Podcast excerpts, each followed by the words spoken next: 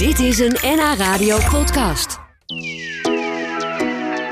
Het is inmiddels alweer 30 jaar geleden dat Freddie Mercury van Queen overleed aan AIDS. De Hilversumse Queen-kenner en liefhebber Edgar Hamer die heeft nu meegewerkt aan een zesdelige podcastserie over de laatste dagen van Freddie Mercury. Edgar, die al drie boeken volschreef over de band Queen, is al van kinds af aan fan. Ja, nee, ik ben al uh, sinds uh, nou ja, mijn achtste wel fan van Queen. En helemaal toen mijn vader me op mijn tiende meenam naar een uh, concert in Ahoy. Oh ja. Dat was zo indrukwekkend als jochie. Ja, dat vergeet dat je vergeet nooit je meer. nooit meer. Nee, En je nee. hebt inmiddels drie boeken over Queen geschreven, begreep ik. Ook nog. Ook nog? Een uit de hand gelopen hobby. Ja, hè? best wel. En, en, en we hebben het er nu ook over, omdat deze week 30 jaar geleden is dat hij overleed aan AIDS. De woensdag is echt zijn sterfdag. Is dat ook een dag die voor jou soort gemarkeerd staat in je agenda? Van nou, die dag sta ik toch even bij hem stil, of draai ik zijn muziek, of, of dan doe ik iets bijzonders? Ja, die dag staat zeker in, altijd in mijn agenda gemarkeerd. Normaal gesproken gaan we altijd met een grote club eh, Queen-fans, een mannetje of eh, 70, hebben wij Freddy's Dinner, zoals dat zo mooi heet. En dan herdenken we en vieren we vooral ook zijn leven. Oh, wat mooi. Ehm, dat doen we altijd in het bijzijn van eh, personal assistant eh, Peter Freestone, die jarenlang bij Freddy heeft gewoond. Ja, alleen dit jaar en eh, vorig jaar ook al niet. Dus nee, door is- corona kan het nu even niet Nee, eigenlijk. kan door corona niet. Nee. Nee. Oh ja, dat is inderdaad jammer. Maar wat een mooie traditie. Ja, Ja, ja, en ook bijzonder. heel bijzonder dat hij altijd... eh, ja, weet je, die personal assistant kan de hele wereld overkomen. Ja, Maar hij komt altijd naar Nederland. ah, fijn. We gaan er zo over praten waarom Freddy ook zo'n bijzondere band had met Nederland.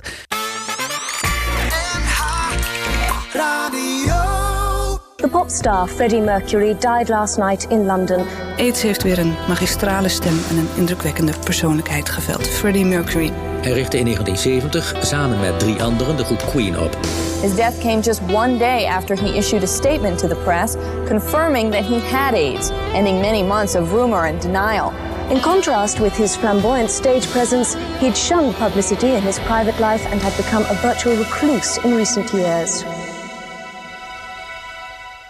Was dus deze week 30 jaar geleden dat eh, Freddy overleed. Edgar, krijg je ook nog steeds met je kippenvel als je zo die nieuwsberichten Ja, hoort? gek genoeg toch elk jaar wel weer als je het hoort. Ja, hè? Het schiet ook gelijk met mijn gedachten weer terug naar toen. Want ik, ik kan me nog herinneren dat dat eh, bekend werd gemaakt. En de dag daarvoor eigenlijk maakte hij bekend dat hij pas aids had. Hè, dus dat ging heel snel. En het was eigenlijk klap na klap eh, voor de Queen-fans. En zeker ook voor mij. Ik, ik weet nog dat ik die avond alleen maar aan de telefoon heb gezeten. En, en met heel veel fans heel veel tranen heb eh, geplengd. Ja? Ja. ja. Ja. Dus dat, dat komt elk jaar ook weer even terug, dat gevoel. Ja, dat, ja, op de een of andere manier zit dat heel diep. Ik draag hem natuurlijk al een jaar of 45 bij me op de een of andere manier. Ja.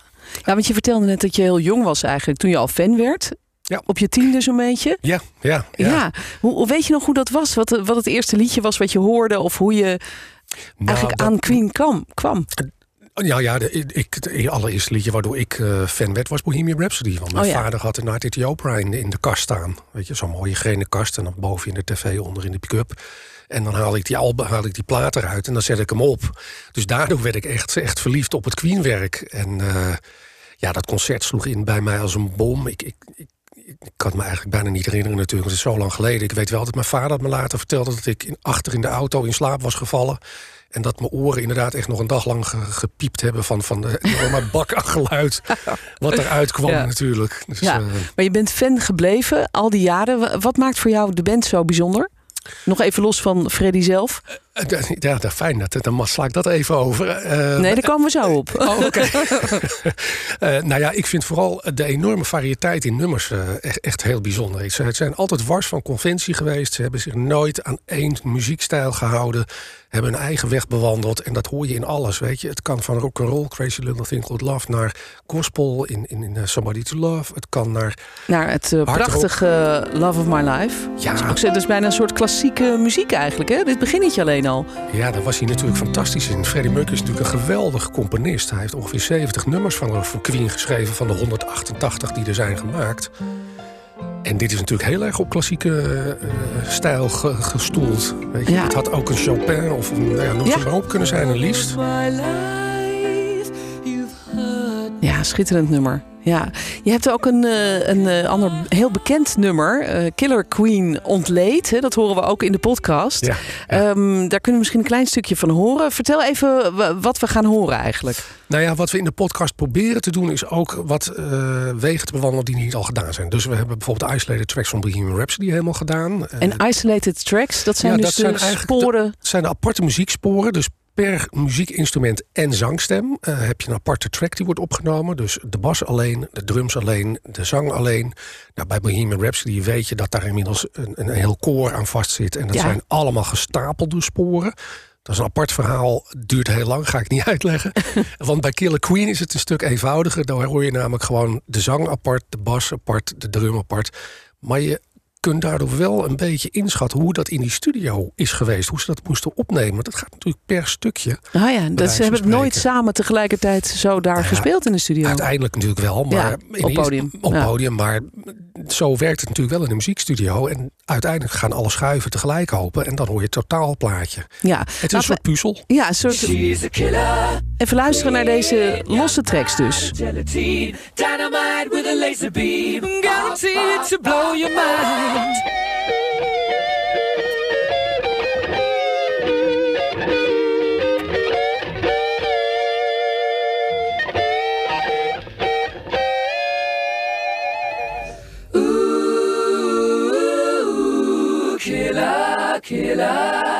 She's a killer queen.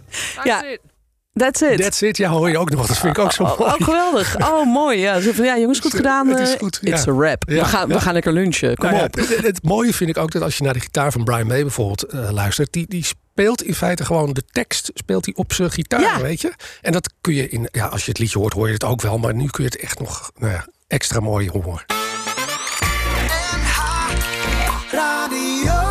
Ja, ze kwamen ook in top op, toch? En dan met Penny de Ja. Jager showballet tussendoor. Ook nog, ja. Leuk. eh, dat was de eerste keer dat ze in Nederland überhaupt waren, Queen. Ja, 22 november 1974 in dat was ook wel goed dat top op ze gewoon allemaal had, hè? Die, dat ja, soort artiesten. Ik, ik vind het verbazingwekkend dat ze kwamen. Maar ze- ik, ik heb destijds het contract gevonden tussen de Avro Topop en Queen zelf. En ze vroegen 1810 gulden Echt? voor dat hele optreden. Ach. Het was overigens playback, maar dat, waren dan wel, dat stond gewoon voor vijf ticketjes. Retour Amsterdam, eh, Londen. Nou, zo goedkoop heb ik nog nooit een, eh, een topband eh, kunnen contracteren. Nee, fantastisch Dus, eh, zeg. Goed, ik praat vandaag met Queen-kenner en liefhebber Edgar Hamer uit Hilversum. Hij schreef al drie boeken over Queen en nu heeft hij meegewerkt aan een podcast over de laatste dagen van, eh, van Freddie Mercury. Horen we hem zelf daar eigenlijk ook in, eh, in terugkomen? Ja, uiteraard. Je hoort uiteraard quotes van hem eh, waarin hij vertelt over nou ja, hoe het met Bohemian Rhapsody is gegaan. Maar ook bijvoorbeeld dat hij vertelt dat hij onstage een hele andere persoon is dan offstage. Oh ja? Want hij was onstage natuurlijk enorm flamboyant en aanwezig. Echt een entertainer, hè? Zeker. En daar heeft hij ook altijd wel een beetje over gezegd van ja, ik speel een soort van rol. I'm the great pretender. Eh, niet voor niks, een van zijn solo-hits. Eh, en, en zo zag hij dat ook wel. Eh offstage was het een hele rustige man. En dan heb ik het even niet over de feestjes, want dat, dat zie ik nog steeds als de popster Freddie Mercury. Maar thuis had hij gewoon eh Koi Karpers. Hij was zeer geïnteresseerd in. eh, Kooikarpers? ja, ja, hij was heel Oh. erg geïnteresseerd in Japanse kunst. eh, verzamelde allemaal schilderijen. eh, liet ook Peter Freestone, zijn personal assistant, op schilderijen bieden. Zijn hele huis hing vol. Oh, wauw. En, en hij was dol op taarten, begrijp ik? Hij was enorm dol op taarten. Kijk, ik zo'n wij- grappig detail. hebben- ja, ja, wij hebben onszelf natuurlijk een beetje afgevraagd. Zou, heeft Freddie Mercury alles uit het leven gehaald wat hij eh, wilde? Nou, daar kun je tweeledig op antwoorden. Eén, ja, want eh, hij heeft denk ik wel voor tien eh, mensen geleefd. Ehm, eh, hoe hij zich eh, op onstage performde, maar ook met eh, nou, alle feestjes. En een van die dingen was inderdaad taarten. Hij vond taarten geweldig. Dus als hij jarig was, werd er een mega taart gemaakt. En dat kon een, een Rolls Royce zijn. Ik weet dat een van zijn laatste taarten die hij heeft laten maken... was van zijn appartement in Montreux. Ehm, dat was al in een veel beslotenere kring, want toen was hij al ziek.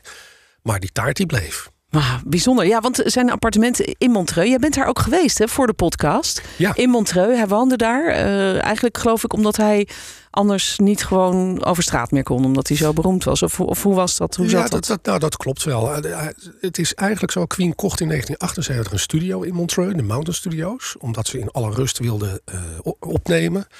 En eigenlijk vond Freddy dat helemaal niks. Want Montreux was een, nou, een beetje een slapend stadje. Hij kon eigenlijk helemaal niet leuk uit, et cetera. Maar dat kwam hem wel heel goed uit toen hij ziek werd. Eh, en voor zijn deur in Engeland, eh, bij eh, Garden Lodge, een huis... daar stonden ze in rijen dik te wachten... tot ze eindelijk konden vaststellen of hij aan aids leed of niet. Dus hij vluchtte echt letterlijk eh, richting Montreux. Ja. En daar heeft hij een tijd gewoond. Ja, en jij bent daar geweest met die personal assistant van hem. Hoe, hoe was dat? Wat hebben jullie daar eh, ja, gedaan en, en ontdekt? Nou ja, dat, het, het was aan de ene kant een fantastische reis... maar ook heel emotioneel, eerlijk gezegd. Eh, daar staat ook aan de oever zijn standbeeld van Freddy. Gek genoeg niet in Londen, omdat ze dat daar niet wilden. Ik denk omdat ze bang zijn dat het een bedeoortvaartplaats of zo zou ja, worden. ja. Eh, maar in Montreux staat zijn standbeeld. En ja, Pieter Freestone heeft ons uitgelegd hoe dat in Montreux ging. En, en eh, dat hij daar rust vond. En, en eh, hij heeft ook een van zijn laatste nummers daarop op gebaseerd. Hè? It's a beautiful... oh, ik zeg nou, it's a, it's a beautiful day. Ja. heeft hij daarvoor geschreven. Oh. Winter's Tale, ik zeg het verkeerd. Oh, ja. Maar, je- ja, maar de- je bedoelt wel de, de- waarin hij zingt It's a Beautiful Day. Nee, nee. Oh. Winter's Tale heeft hij gebruikt als... eh, hij keek over het meer en dacht... dat zijn de woorden die ik moet schrijven. Ah, oké, mooi. Dus dat is ontstaan in Montreux. Ja. Ehm, daar was hij wel gelukkig dus. Maar in Nederland ook begrijp ik het. Hij had wel iets met ons land. Wat Hij- was dat? Ja, zeker wat met ons land. Nou ja, A, ze zijn natuurlijk al vanaf nou, heel jong in hun carrière bij ons geweest. Met Top Op, wat ik net vertelde. Ehm, ze namen altijd fans mee op eh, Queen-evenementen. Dat waren er nogal wat. De IMI investeerde daar best veel geld in. En eh, ze zijn bijvoorbeeld door de havens in Rotterdam gaan varen. Ehm, en een van de IMI-mensen, Pim van der Kolk, een tv-promotor... die werd op een gegeven moment, behalve dat hij een zakelijke eh, relatie met Freddy had... werd het ook een vriend van hem.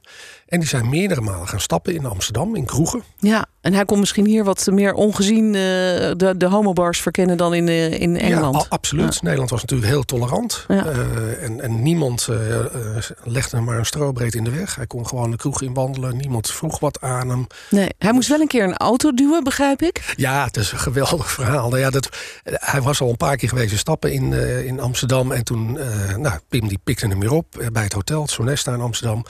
En ze gingen eh, op pad. En toen gingen ze naar de dok in, eh, aan de Singel. En Pim had net een nieuwe auto. En Freddy zat achterin. Samen met zijn toenmalige levenspartner Jim Hutton.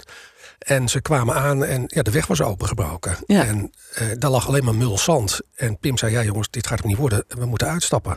Waarop Freddy zei, the queen has to be put in front of the building. Oftewel, eh, niet, wil voor de deur. niet mekkeren, ik wil voor de deur worden afgezet. en Pim die zei, ja, eh, ah, prima, maar wat gaat er gebeuren als wij straks met die auto in het zand vastzitten? Eh I'll push.